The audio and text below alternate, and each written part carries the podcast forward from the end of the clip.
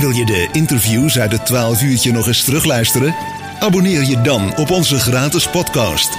Zie voor meer informatie onze Facebookpagina en onze website www.het12uurtje.nl In het 12 uurtje kijken we regelmatig over de gemeentegrens heen naar de rest van het land van Kuik. Want er wonen een heleboel interessante mensen met uh, interessante verhalen. Maar ook zijn er ex-inwoners van het mooie land van Kuik die een, uh, ja, hele bijzondere dingen doen.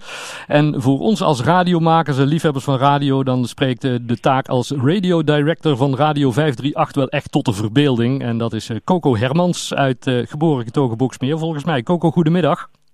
Goedemorgen of middag eigenlijk. Goedemiddag, ai. Hallo. Want ge geboren en getogen in Boksmeer, toch?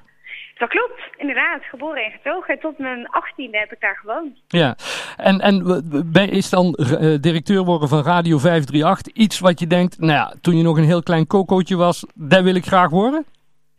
Uh, nou, dat niet in eerste instantie. Maar ik vond radio altijd wel al heel erg leuk. Dus ja. daarom ben ik ook media en entertainment management gaan studeren in Breda. Ja. En um, ja, toen kwam ik eigenlijk best wel snel bij 3FM terecht. En zo kwam van het een het ander. Dus ja, ik denk dat ik nu bijna twaalf jaar uh, een beetje mee heb gekeken in het radiolandschap. Ja. Dus ja, dan, dan is het wel een droom die in die, in die zin uitkomt natuurlijk. Ja, dat kan ik me voorstellen. Maar we laten even, even teruggaan in de tijd. Geboren getogen Boksmeer, zei je, dochter van Pierre, hè?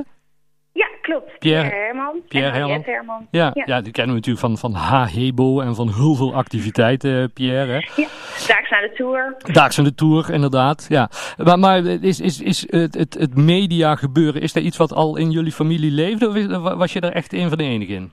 De nee, daar ben ik inderdaad eigenlijk echt de eerste in. Okay. Ja, dat, uh, kijk, en het organiseren van evenementen vond ik eigenlijk altijd al heel leuk. Dus in Boksmeer... Uh, uh, ja, hielp ik ook altijd wel mee met het een en ander wat georganiseerd werd. Ja. Maar echt radio en tv, dat, uh, nee, dat zit niet in de familie of zo.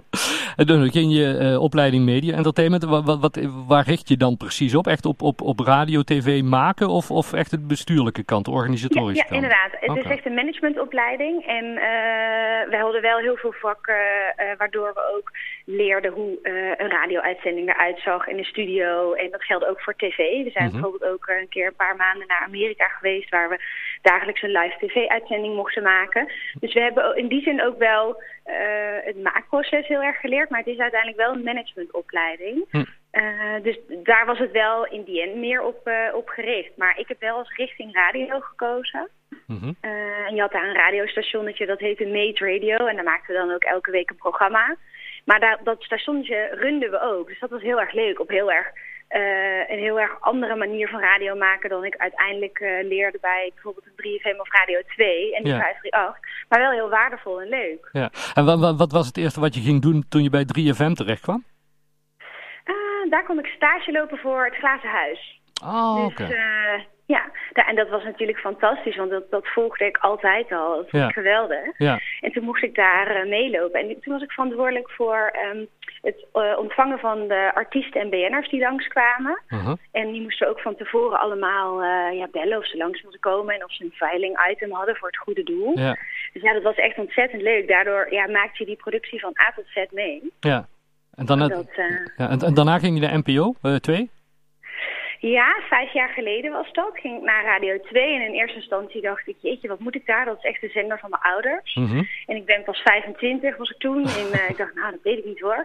En de toenmalige baas, Jure Bosman, die zei van, uh, nee, dat is leuk, want uh, we gaan ook echt wel dingen veranderen en er komen leuke evenementen aan. En, nou, toen heb ik die overstap gemaakt en daar heb ik echt nooit spijt van gehad. Want we hebben echt ja, vijf hele mooie jaren gehad bij Radio 2, waar we echt heel veel nieuwe dingen mochten bedenken. Ja, ja dat is wel echt een familiezender geworden, hè, Radio 2. Ja, ja, ja, ja absoluut. Ja. Nou, dat zie je nu ook met de top 2000. Ja, uh, fantastisch. Ja.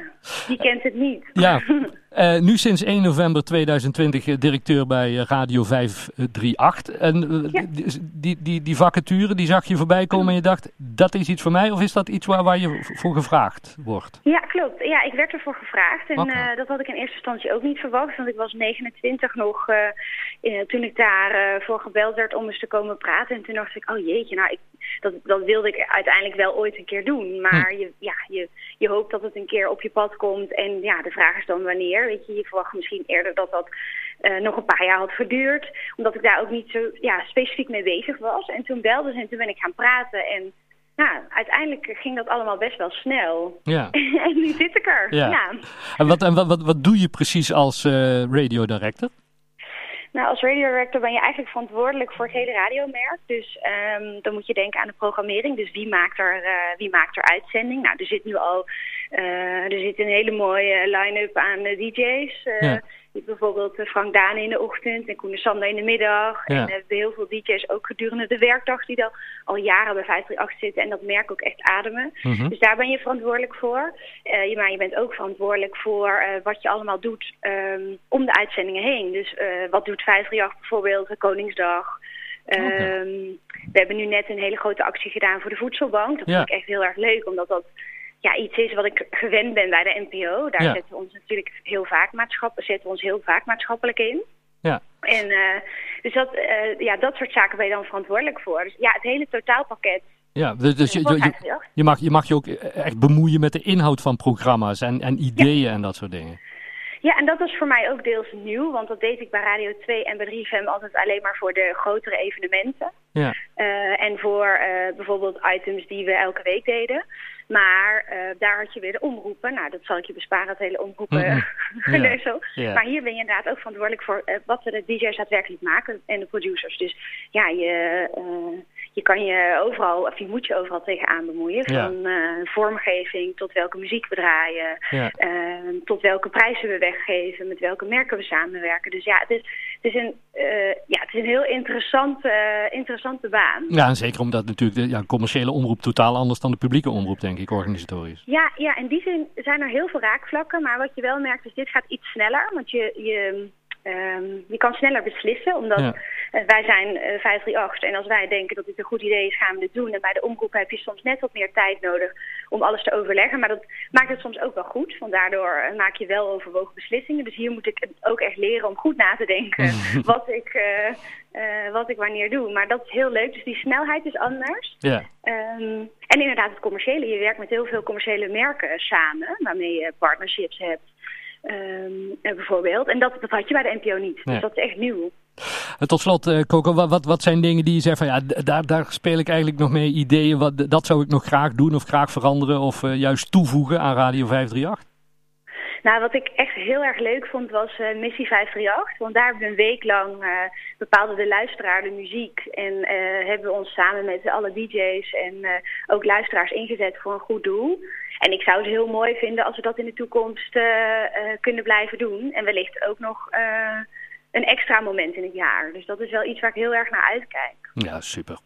Coco, hartstikke fijn dat we even mochten, mochten bellen en een kijkje mochten krijgen in de Radio 538 de keuken van de radio director. Heel veel succes en ja, zodra je een keer hier in de buurt bent in ons mooie land van Kuik, dan hopen we je een keer te mogen begroeten hier in onze studio. Nou, dat lijkt me heel erg leuk. En bedankt dat jullie wilden bellen. Hartstikke Leuk. goed. Hey, dankjewel. Groetjes hè. Fijne dag. You, houdoe. Ik heb geen cent te makken.